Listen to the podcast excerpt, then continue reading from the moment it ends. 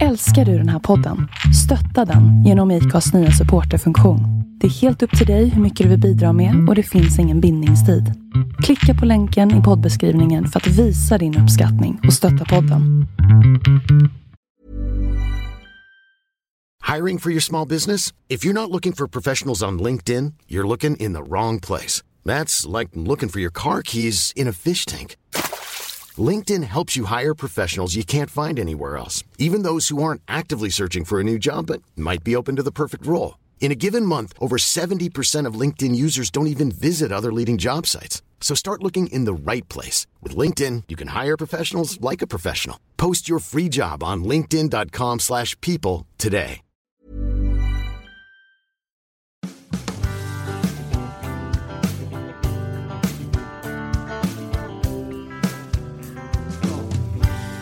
KG, det är väl typ femte gången vi gör det här.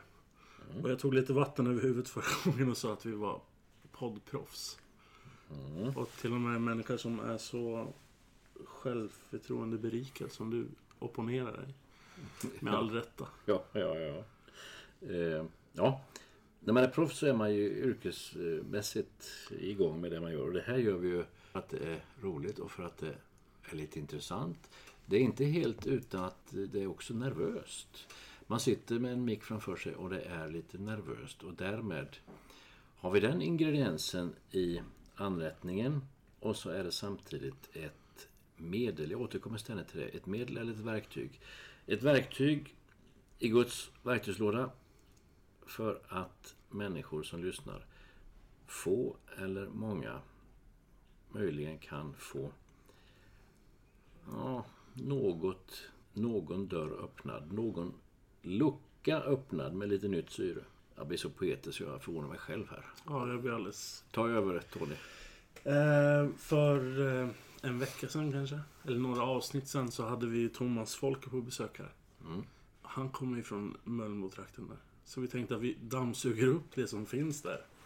Och därför har vi bjudit in Josefin Lennartsson. Ja, Varmt välkommen. tack ska du ha. Vad visste du om Tranås innan du åkte hit idag?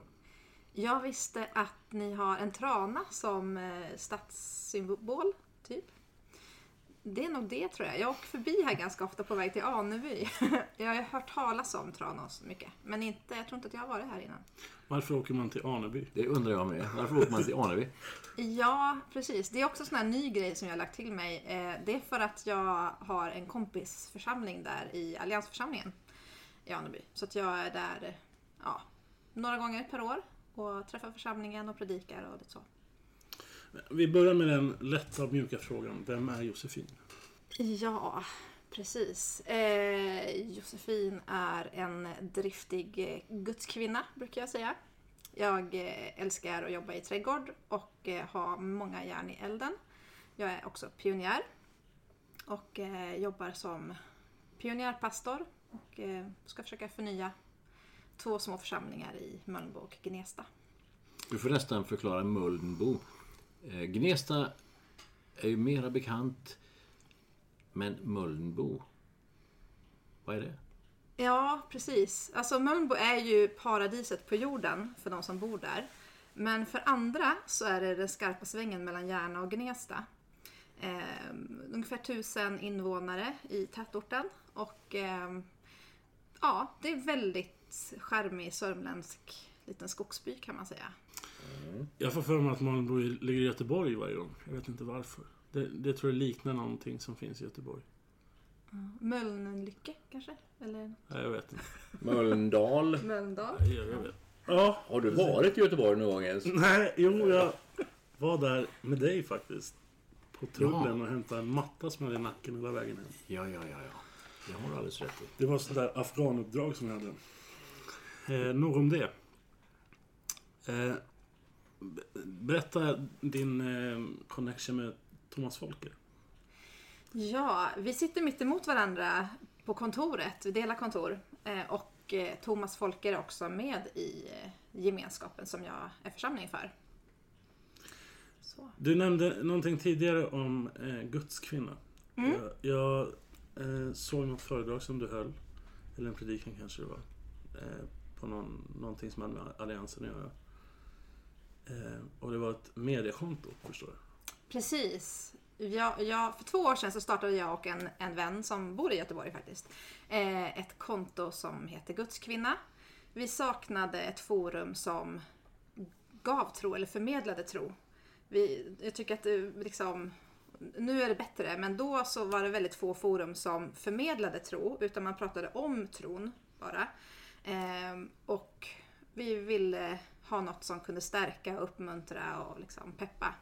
Och då var vi så här, men vi är kvinnor, så då vill vi rikta oss framförallt till kvinnor. Det, då pratar vi samma språk. Eh, och sen så blev det ganska naturligt att då får det heta Guds kvinna. Liksom. För det är ju ett av de finaste benämningarna tycker vi man kan få om sig själv. Men har just det, bara namnet, eh, mött något motstånd? Man tänker det i den här maskulina världen. Att det sticker i ögonen på någon. Nej, jag har faktiskt inte hört någon som har reagerat på det. Nej, utan, eh, och jag tror att kanske att en del kvinnor kan ha haft svårt först att våga identifiera sig med det eller liksom kliva in så. Men att eh, jag tror att ganska många har känt liksom en så igenkänning och så här, ja men det här är jag och att det stärkt sin identitet. Liksom. Du är ju som sagt pionjärpastor. Det är ett jättesvårt ord. Eh, Du får gärna berätta vad det är, för jag tror inte alla känner till innebörden riktigt. Nej precis, så häromdagen så fick jag höra att jag är pionjär pionjärpastor. så PPP. Eh, nej men eh, alltså en pionjär är ju, ska ju på något sätt bryta ny mark. Det är ju liksom eh, dess eh, innebörd. Och en pionjärpastor är ju tänkt, inom Allians har man jobbat mycket med pionjärpastorer i, i församlingsplanteringar. För då är man pionjär, man bryter en ny mark genom att man startar en ny församling på något ställe. Och det är väl lite samma med min tjänst. Jag står ju i en nystart så det är ju inte riktigt att bryta ny mark. Samtidigt så är ju på ungefär 20 000 invånare i, om man räknar de, liksom, de tre liksom, orterna som ligger nära, så har vi kanske ett 30-tal aktiva liksom, inom frikyrkan som finns på plats. Ehm, så det är ju mycket ett pionjärt arbete att nå ut till 20 000 på 30. till 20 000, ja. precis, 20 000 invånare som i princip är onådda. Liksom, så. Ja. Oh ja, Så men det det, är bör- väl- det började med 12. Så Exakt. Att, eh, ni är i gott sällskap. Ja men det är vi. Och, men sen är det ju att jag... För mig så innebär också pionjär... Alltså för mig är det inte nödvändigtvis att det bara är att bryta ny mark. Utan jag tänker också att framförallt den marken som ska, bygg, som ska bryta sig, den i mitt eget hjärta. Ehm, så att det är nästan mitt främsta fokus. och tänka att pion, pionjärarbetet handlar mer om att bryta vart är i mig som Gud inte än har fått sitt fäste. Och hur kan Gud få få tillträde till det. Vad är det för någonting i mig som hindrar eller inte förstår eller vad det nu kan vara som eh, gjort att Guds kärlek ännu inte bor där. Ehm, och att jag tänker att det är egentligen det det handlar om i både församlingsarbete och i samhället i stort. Att hur, kan, hur kan jag förmedla Guds kärlek så att det slår rot? Ja. Hur, hur är det samhället att eh, jobba i? Eh, Vad är den största, största utmaningen? Ja, ehm, alltså det är ju ett väldigt, det är samhälle med mycket kreativa, härliga, alternativa människor. Så det är liksom ganska mycket olika alternativa gemenskaper. Eh, det finns ingenting som är konstigt i någon form av trosåskådning eller praktik av något slag. Så, eh, jag tycker att det är härligt för det gör ju att jag kan jag, lika frimodig som shamanen, kan prata om min tro och erbjuda den till människor. Eh, och att jag liksom, ja men, att det är en positiv konkurrens tänker jag. Så, så på det sättet så är det ju härligt och samtidigt så är det ju så att kyrkan där har ju det svåraste skulle jag säga är ju att människors bild av kyrkan hämmar dem ifrån att upptäcka vad kyrkan egentligen står för. Och där kanske vi själva har upprätthållit den där bilden också. Eh, som gör att det, vi pratar inte samma språk. Vi möts inte liksom. Nu pratar du om alternativa och kommuniteter och kollektiv och sådana ord. Eh, är du inne på Järna då? Eller är du inne på Mölnbo och Gnesta? Hela bygden skulle jag säga är präglad av det. Sen är det, det är koncentrerat mycket till Järna där antroposofin har liksom funnits i hundra år. Eh, men det finns ju runt omkring så finns det och jag, det är ganska, alltså det, jag tror att det är ganska få som skulle kalla sig för antroposofer idag i Järna. Men det är väldigt mycket, mycket alternativa människor. Det är omställare som vill leva liksom, skapelsevänligt egentligen. De vill leva miljö och klimatsmart. Eh, ja. Alltså människor som egentligen, man har valt, man har hoppat av hela den här uh, konsumtion, karriärs, liksom, drivet och söker mjukare värden. Liksom. Eh, mycket av de existentiella frågorna är ganska centrala för många, skulle jag säga. Eh, men kanske inte på ett traditionellt kristet sätt.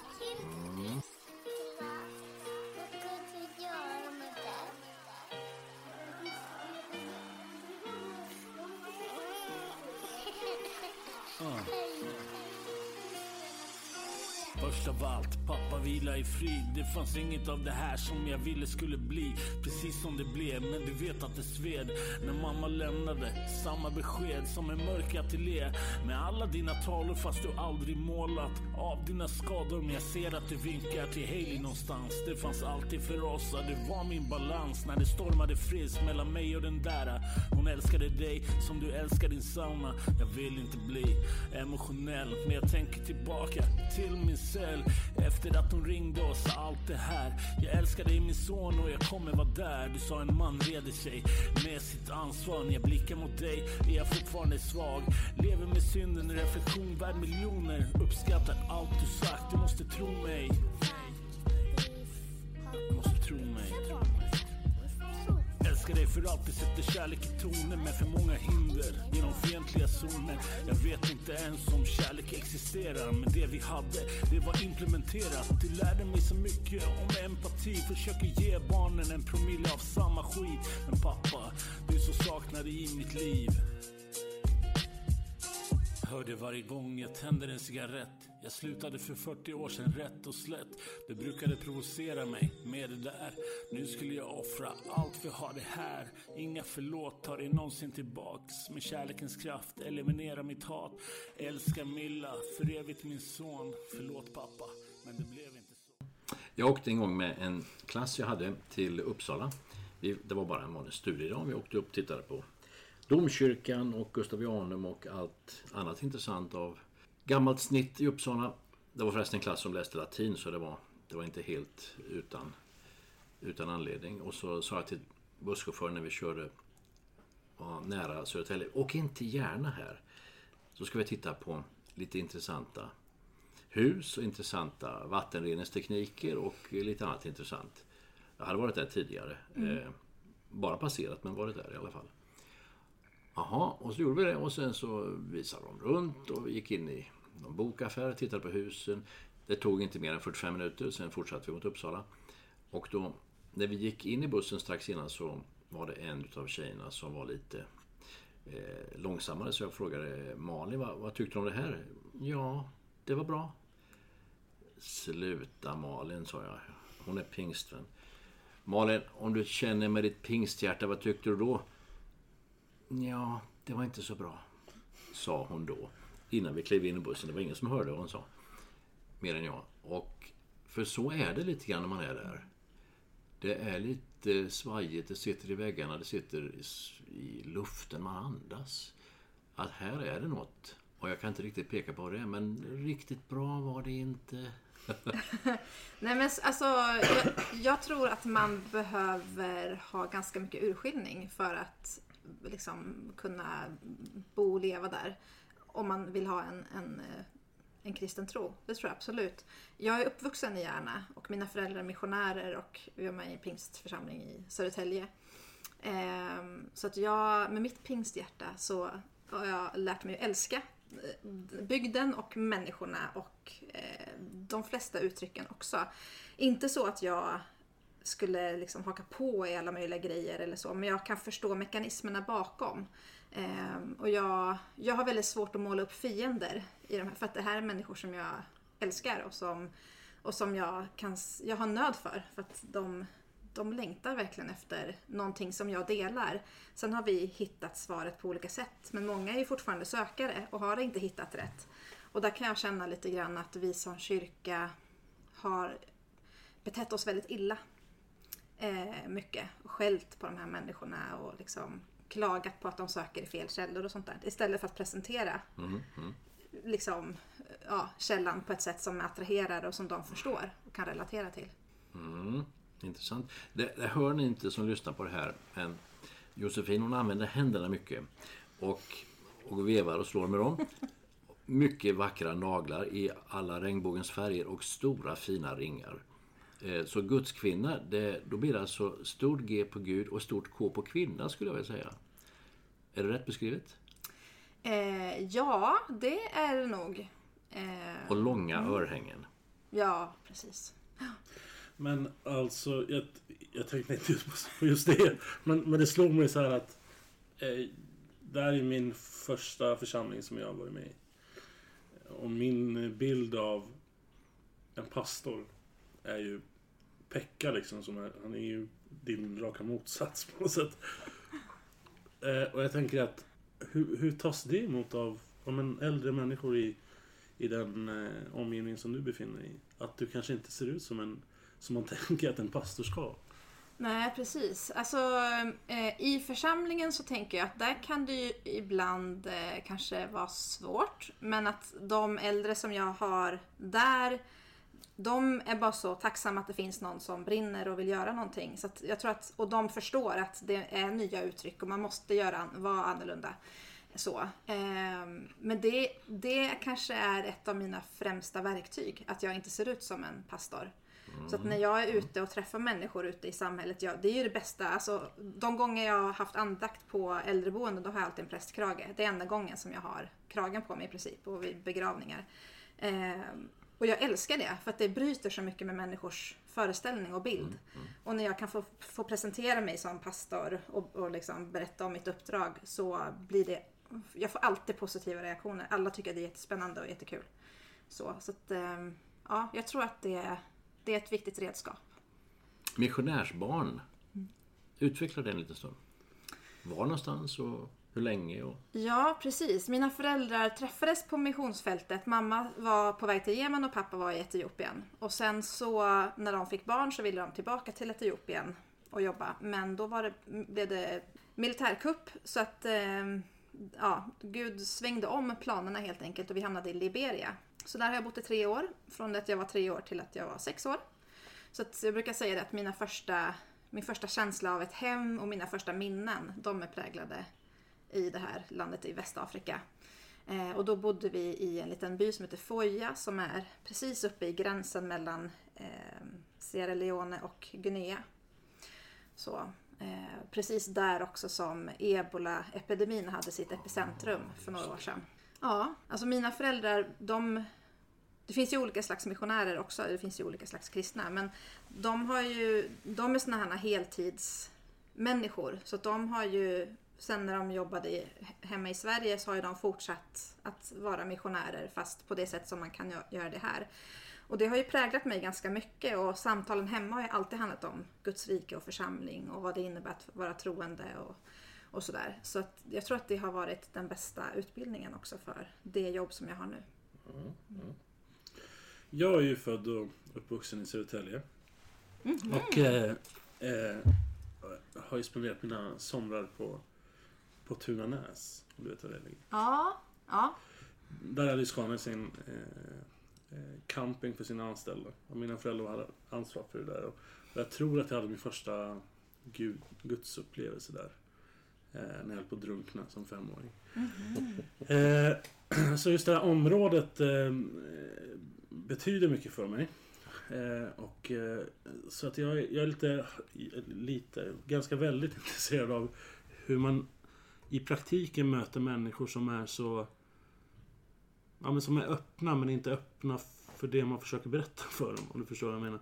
Att, att de... Eh, att de bejakar de här eh, hinduistiska sidorna till exempel. Hur, hur möter man en sån människa i, i praktiken? Ja, alltså jag försöker att inte tänka för mycket i fack så, utan tänka så här, men det här är en människa som längtar precis som jag. Och att som i all annan så här, missions och när man pratar om församlingsplantering och hur vi ska nå ut och sådär, så pratar man alltid om att man ska gå ut och bekräfta det Jesus redan gör i människor. Och det tänker jag att det är ju det främsta verktyg som jag kan göra också. Sen blir ju det lite väl, ut, eller det blir väldigt utmanande i den här miljön. För att kan jag, kan jag bekräfta någonting som är tydligt Jesus i en person som också tydligt håller på med någonting annat. Eh, och det har ju inte vi något problem med när det kommer till någon som är helt uppe i konsumtionskulturen liksom, och mammon och alla de eh, avgudarna. Då, där är vi så vana så det tycker vi är okej att någon är karriärist och liksom så. Eh, men om någon utövar yoga och vill följa Jesus samtidigt så tycker vi att det blir jätteprovocerande och svårt. Och jag försöker tänka att vi alla är på en resa och det handlar om riktningen. Eh, är riktningen att jag vill komma närmare Jesus, då har jag någonting att jobba med. Och vill man inte det, då är det väldigt svårt att jobba med någonting.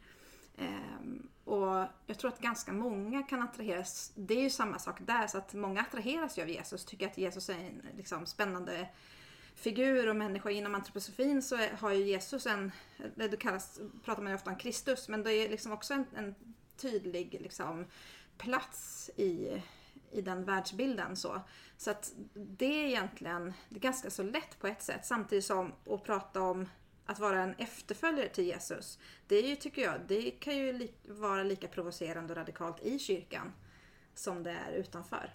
Mm. Jag skulle nog säga det, alltså för att sammanfatta, liksom, att bekräfta det Jesus redan gör i, mm. i människor och i kulturen. För det är så alla missionärer jobbar. Men du ser inte någon fara i att eh, hänge sig åt mycket eller lite yoga? Att hänge sig åt det. Finns det någon fara i det? Ja, eh, det gör det. Det finns ju faror i jättemycket saker. Alltså jag tänker på ett sätt så, så här, jag tror att det kan vara lika farligt att gå på bio som att utöva yoga. Det handlar väldigt mycket om min öppenhet mm. och hur jag, vilka intryck jag tar och hur jag låter de sakerna styra mig och mitt liv. Mm. En rörelse i sig är liksom inte eh, det är inget laddat i en rörelse. Men om rörelsen läggs, om jag lägger in en innebörd i rörelsen och sen utövar den. Mm. Som när vi liksom öppnar våra händer för att ta emot nattvarden så liksom betyder det någonting för oss.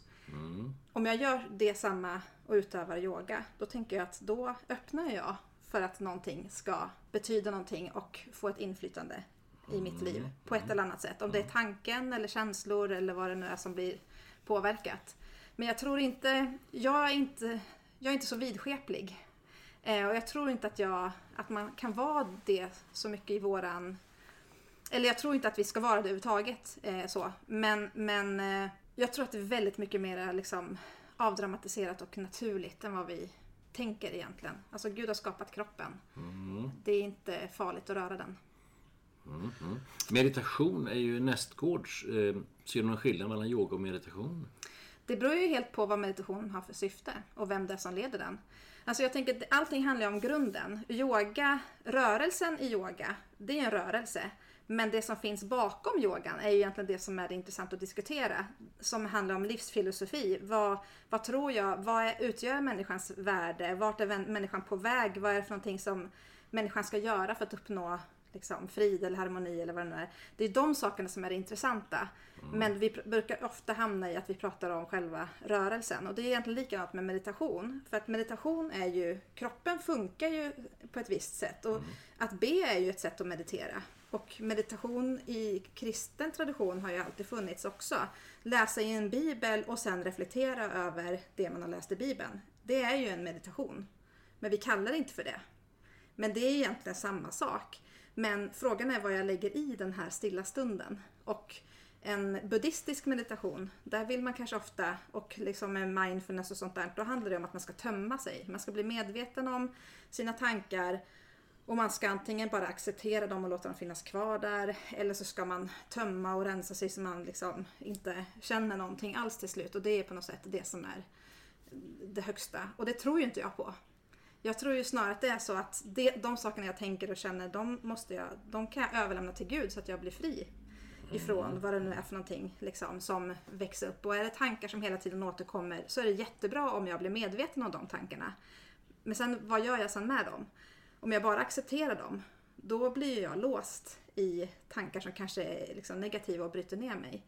Och istället då tänka, men vad, hur gör jag då med insikten om de här tankarna? Och sen eh, ja, kunna lämna dem till Jesus istället. Vi har en eh, politiker i Tranås som jag inte tänker nämna namnet på. Men han brukar alltid säga så här. Nu ska jag vara djävulens advokat när han vill säga någonting som han inte riktigt kan stå för. Jag tänkte jag skulle ta den rollen här. När vi pratar om rörelse och inte har någon betydelse. Vi, vi byter ut den här yogakvinnan eller mannen mot en nazist som gör en nazistisk hälsning. Helt plötsligt skiftar ju då fokuset. Att rörelsen får en väldigt stor betydelse. Kan du på något sätt förstå att människor kan uppleva det så när de ser en person som... Alltså en kristen människa ser en annan person som gör en yogarörelse? Att det kan finnas lika mycket symbolik i...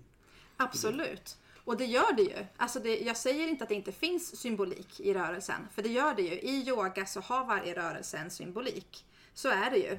Men, om, alltså, sam, men samtidigt som det är så att en arm kan inte röra sig på hur många sätt som helst. Och om jag råkar röra min arm på ett sätt som liknar en yogarörelse så betyder ju inte det att jag har gjort en yogarörelse och på det sättet också tar emot allt vad det har att göra med yogan. Utan det handlar ju om min förståelse av rörelsen och vad jag lägger in i den rörelsen. Hänger ni med på skillnaden? Oh ja. Så att det är det som är, så jag säger ju inte att inte rörelsen har en, ett symboliskt värde eller att det kan vara laddat, för så är det ju. Men samtidigt så vill jag också vara tydlig med att jag tror inte att man liksom blir demonbesatt eller att man eh, Eh, per automatik liksom hamnar under något inflytande om man råkar hamna på ett yogapass. Liksom. För som det är nu så barn får ju göra yoga i skolan eh, och på var och varannan arbetsplats så är det lösningen på alla stressproblem eh, och vad det nu är. Och, och, det, och vi behöver ju ta i det. För att det, jag tycker att det ska ju vara lika okej att kunna erbjuda bön då som en stresshanterare. Liksom, eh, hanterare. Ehm, så den diskussionen tänker jag att vi behöver ta. Men då är det så vi ska göra. Då ska vi vara konstruktiva och säga att vi vill erbjuda ett annat sätt att hantera bön. Som också har vetenskaplig grund och som, som har praktiserats i så här och så här många tusen år. Ehm, och så kan vi erbjuda ett annat alternativ till, till yoga till exempel eller mindfulness.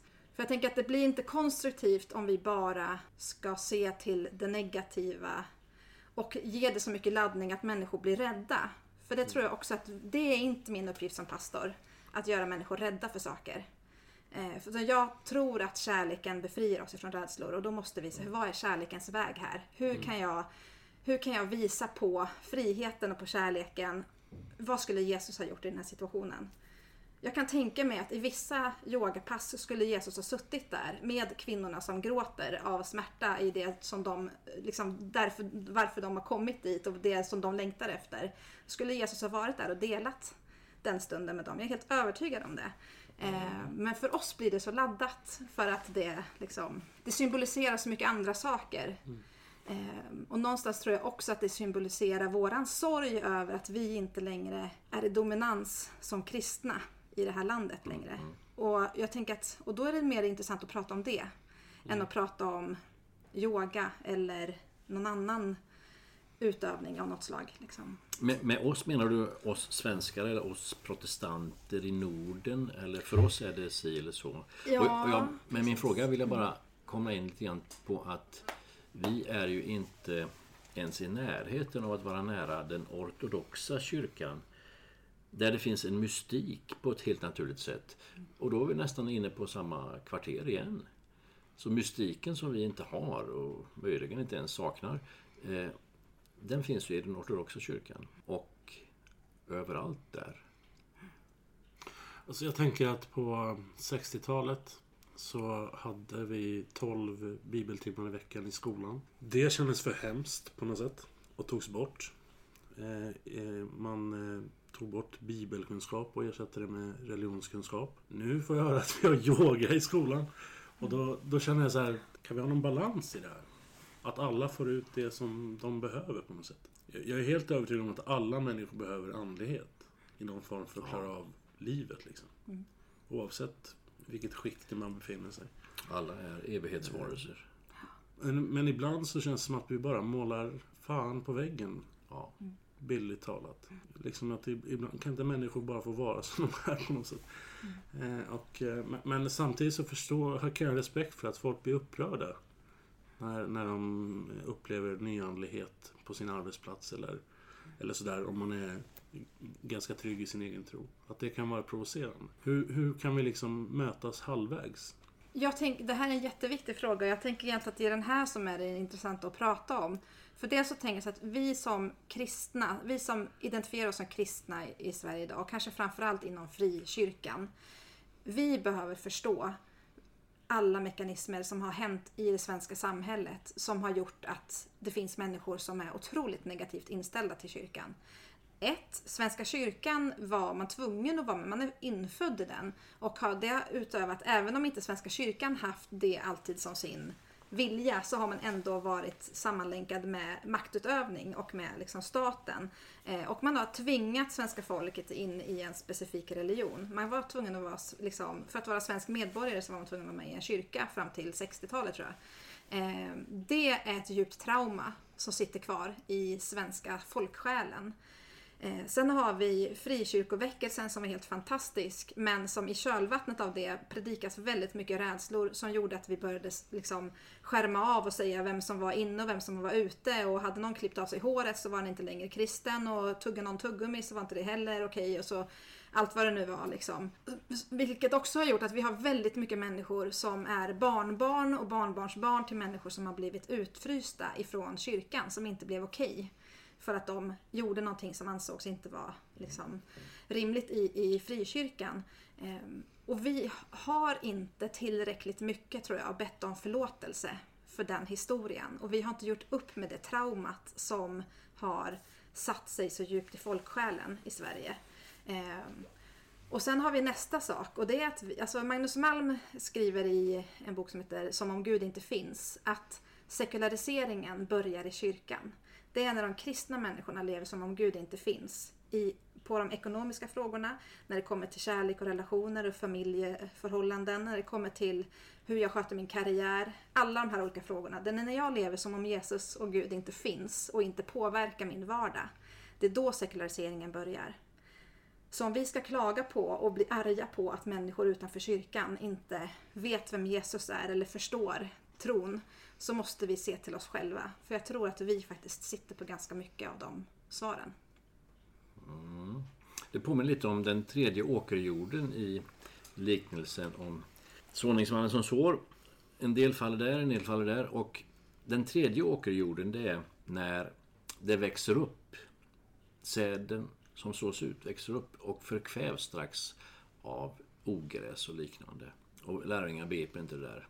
Och då säger Jesus som förklaring till hela sin liknelse Begriper ni då inte det här? Det här är ju en liknelse som slår det mesta. Han säger inte de orden. Men, men, och sen så förklarar han att omsorg om denna världen eller omsorger, det vill säga ett nytt kök. Har du sett mina nya fälgar? Det som kan vara av intresse som tar bort fokus och koncentration i mitt liv på Gud och på Guds rike. Det är den tredje åkerjorden. Och då lever vi som om vi inte hade Jesus i främre delen av pannloben eller i hjärtat eller någonstans överhuvudtaget. Var det korrekt tolkat av din, din bild där? Ja, det skulle jag nog säga. Jag har hittat en, en podd ganska nyligen och där han som håller i den eh, säger så här att kyrkan idag, här, han är ju amerikan, men jag tror att vi kan känna igen oss ganska mycket. De säger att kyrkan idag beter sig precis så som de som korsfäste Jesus. Eh, och jag tror att det finns någonting i det som vi behöver ta till oss av. I hur vi jagar människor i rätt och fel och hur och det är väldigt subtilt många gånger. Det kan handla om jättesmå saker liksom, men som har smugit sig in hos oss. Därför att vi har blivit så vana vid att vara välsignade och ha det gott med Gud. Att vi har glömt bort vad det faktiskt handlar om. Och att det, det Jesus kom med och säger att det är hjärtat det handlar om. Och där vi så lätt som människor tänker jag hamnar tillbaka i regelsystemen och i traditionerna och så här har vi ju gjort och det var ju det här Jesus sa att vi skulle göra och så blir det viktigare än människorna som ska vara med och ta del av det. Liksom. Så det tror jag att, jag tror att vi är i en sån tid då vi behöver ut, liksom, återupptäcka vad det var Jesus faktiskt kom med. Och, och för mig så leder ju det till en nöd där jag vill vända om. För att jag inser hur mycket jag själv hela tiden, och jag är uppfostrad så, men hur jag själv hela tiden kommer tillbaka till att jag upphöjer verksamheterna och regelverken och allt det här andra och med, i och med det inte har tid med människan. Och inte ens kanske med människan som är jag. Utan jag ska liksom vända ut och in på hela mig själv och vara i en kyrkapparat. Liksom. Nu, nu när inte tältmöten är aktuella, som det kanske var på 50-talet eller 60 eller något annat liknande. Vad gör vi då för att vinna människor för Gud? Nej, Jag ska inte använda det ordet. För att väcka intresse för Gud hos våra människor vi möter, känner, träffar och så vidare. Om vi nu inte har gammaldags playgrounds. Eh, vad gör vi då? Starta en podd. Det väl jättebra. Ja, Men jag där tror... fick vi en klapp på axeln Tony. Ja, I alla alltså- fall du. Nej men jag, alltså, och folk säger ju det idag att sociala medier är, kyrk, eller är liksom samhällstorget. Det är, torget mitt i byn. Det är sociala medier. Det är där folk är idag. Man, är, man spenderar alldeles för mycket tid på sociala medier. Och Instagram och Facebook och Twitter och alla möjliga olika forum. Ehm, och där behöver vi finnas. Idag om en person som mår dåligt, som har självmordstankar eller som har en andlig längtan, hunger, börjar googla på internet så eh, till 90 procent så hittar den alla möjliga andra liksom, utbud och erbjudanden. Det finns väldigt lite kristet som kan erbjuda någonting som har med våran tro att göra. Eh, och här tror jag att vi, det är ett stort missionsfält. Det det är liksom oplöjd mark som vi behöver inta och vara frimodiga i. Och jag tycker att det är jättebra med, vi behöver tusentals poddar och YouTube-kanaler och Instagram-konton och ja, bloggar. Jag bara ta dig och bara bura in det jag har på min axel varje gång jag slåss med alla reliker som man får alltså, förklara så här basic. Nej, men jag, nej, jag håller verkligen med. Och ska vi nå nästa generation av människor så är det där vi måste finnas. Men Ja. det finns en sån enorm rädsla för, för det. Och eh, jag tror att vi måste... Att varje församling måste liksom starta den revolutionen. Nu. Nyss. Men hand i hand med det personliga mötet och titta någon i ögonen och Ja, men det är dricka det, en kopp kaffe och Ja, men det är det som är grejen. Att det Ja. ena ska inte utesluta det andra. Utan de ska bygga på varandra. Ja. Precis, och jag tror, att, alltså, jag, jag tror att vi har jättemycket att lära här. För att alltså, idag är ju social medier är ju en social plattform. Alltså, det, idag, jag följer jättemånga konton som har byggt upp hela sin sociala tillvaro in, alltså på, in, via Instagram. På det sättet att via hennes konto så har hon lärt känna andra likasinnade som hon blir vän med och som de åker och träffas och fikar och äter middag och börjar dela livet på riktigt Ja, med. Eh, Men de hade inte lärt känna varandra för att de kanske är ensamma med sitt intresse i sin lilla by. Liksom. Men sen har man ändå lyckats hittas och kan dela någonting. Eh, Och jag tror att vi behöver förstå hur sociala medier funkar och så behöver vi hitta tålamodet i att använda det. För det är inte någonting som, det är, det är inte en anslagstavla där jag kan sätta upp en affisch och sen så tror jag att den kommer jobba för mig. Utan alltså har inte jag ett förtroende på sociala medier så är det ingen som bryr sig om den där affischen. Liksom. Ehm, och, då, och ett förtroende bygger man under lång tid. Så det går inte på ett halvår heller utan det får man, det får man traska på länge. Liksom. Ja, nej, jag känner att jag fick ny energi i allt det där som man, som man liksom brinner för. Men en sak slår mig också när, när jag sitter och lyssnar på det och det är att det är så många människor som redan gör det som Jesus vill att vi ska göra liksom. Men så fort man mm, liksom använder det G-word så är det kört. Du menar the J-word? Nej, det G-word som är Gud liksom. Jaha, förlåt mig. Förlåt att jag hackar på dig Tony. Ja, Mm. jag vet att du försöker. Eh, och va- varför tror du att det är så? Varför finns det sån laddning i det? Eh, tänker du att alltså, folk utanför kyrkan eller i kyrkan? Nej, men om man, om man, om man har ett samhälle som upptäcker ett gemensamt problem. Vi har många uteliggare, vi har många som missbrukar. Mm. Och då finns det jättemånga samfund, föreningar, privata människor som kan tänka sig att, jobba för det. Mm. Men om det är en församling som går i bräschen för det arbetet, och då blir det så här att folk tar ett steg tillbaka. Hur tror du att... Har du, först och främst, har du upplevt det själv på något sätt? Att det finns en laddning i det? Och vad, vad kan man göra för att gå runt det? Ja, eh, jag har också upplevt det och jag tänker att en del av det sitter i bilden som folk har av vad kyrka är. Och att där det... Mm, alltså, man vill inte bli påtvingad någonting. Jag vill inte bli påtvingad ett åsiktspaket eller liksom att jag måste infoga mig under något speciellt Liksom. Alltså, där tror jag att både så här, den så här, individualistiska eh, andan som vi har väldigt starkt i Sverige. Vi är ju i topp i världen eh, på att vara individualister. Eh, det tror jag att det handlar om det. Att jag vill inte kuva mig under någon annan. Jag vill ha min frihet. Men så tror jag också att det handlar om bilden som man har av kyrkan och jag vill inte att någon ska komma och tränga in mig i någonting. Eh, och sen tror jag också generellt att ja, men, jag tror att det är på ett sätt laddat. Samtidigt så brukar ju många säga att det är mer laddat att säga Jesus än att säga Gud. Att det är lättare att prata om Gud än att prata om Jesus. Men jag tror att det, eh, det är laddat också för att det betyder någonting. På gott och ont. Och att det... Jag tror också kanske att det är så att en del människor känner att det här, ska jag satsa på det här, då måste jag... Då är det en hel del saker som behöver förändras i mitt liv och jag är inte beredd att göra det just nu. Varför Så. tror du att det är värre att prata om Jesus än att prata om Gud? Jag håller med dig, det är utan tvekan så. Jag tror att det ställer saker på sin spets på ett sätt som... Och sen, alltså... Alltså prata Gud, då kan det vara så här, ha det är Allah eller det är... Alltså, d- Gud kan vara lite allt möjligt. Man kan lägga in mycket i Gud. Na, liksom så. Eh, Medan Jesus definierar, då blir det väldigt smalt på en gång. Även om Jesus nämns liksom, även inom Islam så blir det ändå väldigt snävt. Jag tror att det är, mm, har kanske mest med det att göra. Och kanske hur vi har använt Jesus på ett sätt.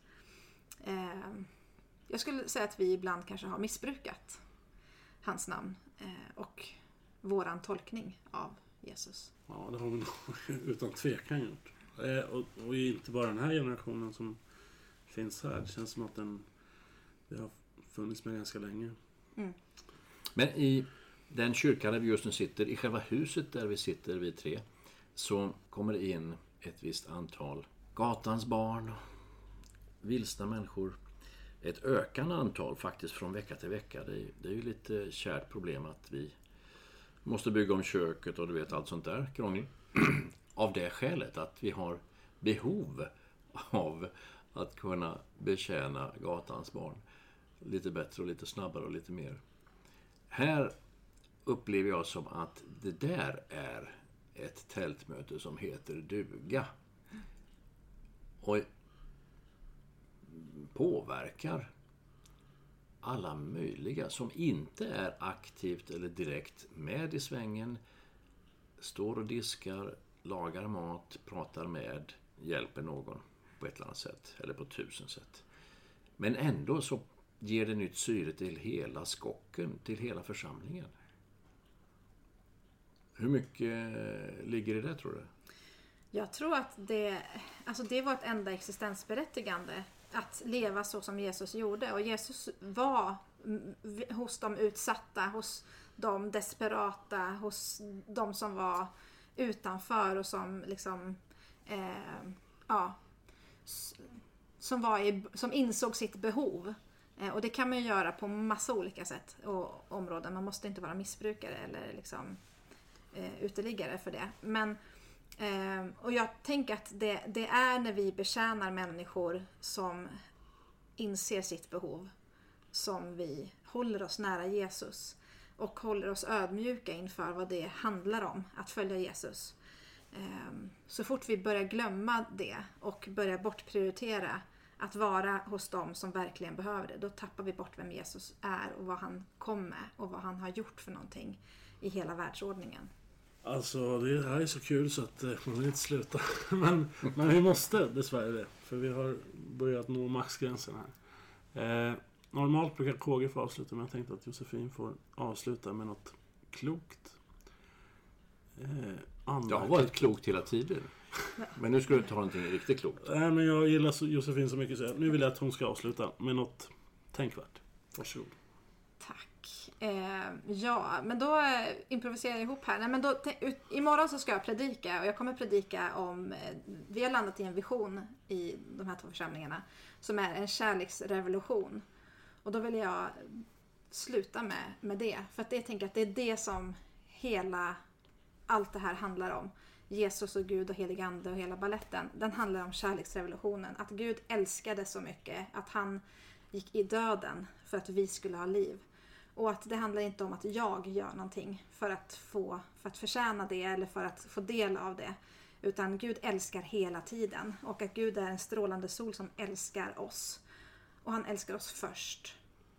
Och det är när jag kan ta emot den kärleken och när jag får växa i insikt om vad den kärleken innebär i mitt liv. Det är då som hela världen blir förändrad. För att när mitt liv blir revolutionerat så kommer det på ett eller annat sätt att revolutionera min omgivning och resten av världen. Så sök Guds hjärta och Guds kärlek och våga ta emot den. Tusen tack för att du kom. Tack!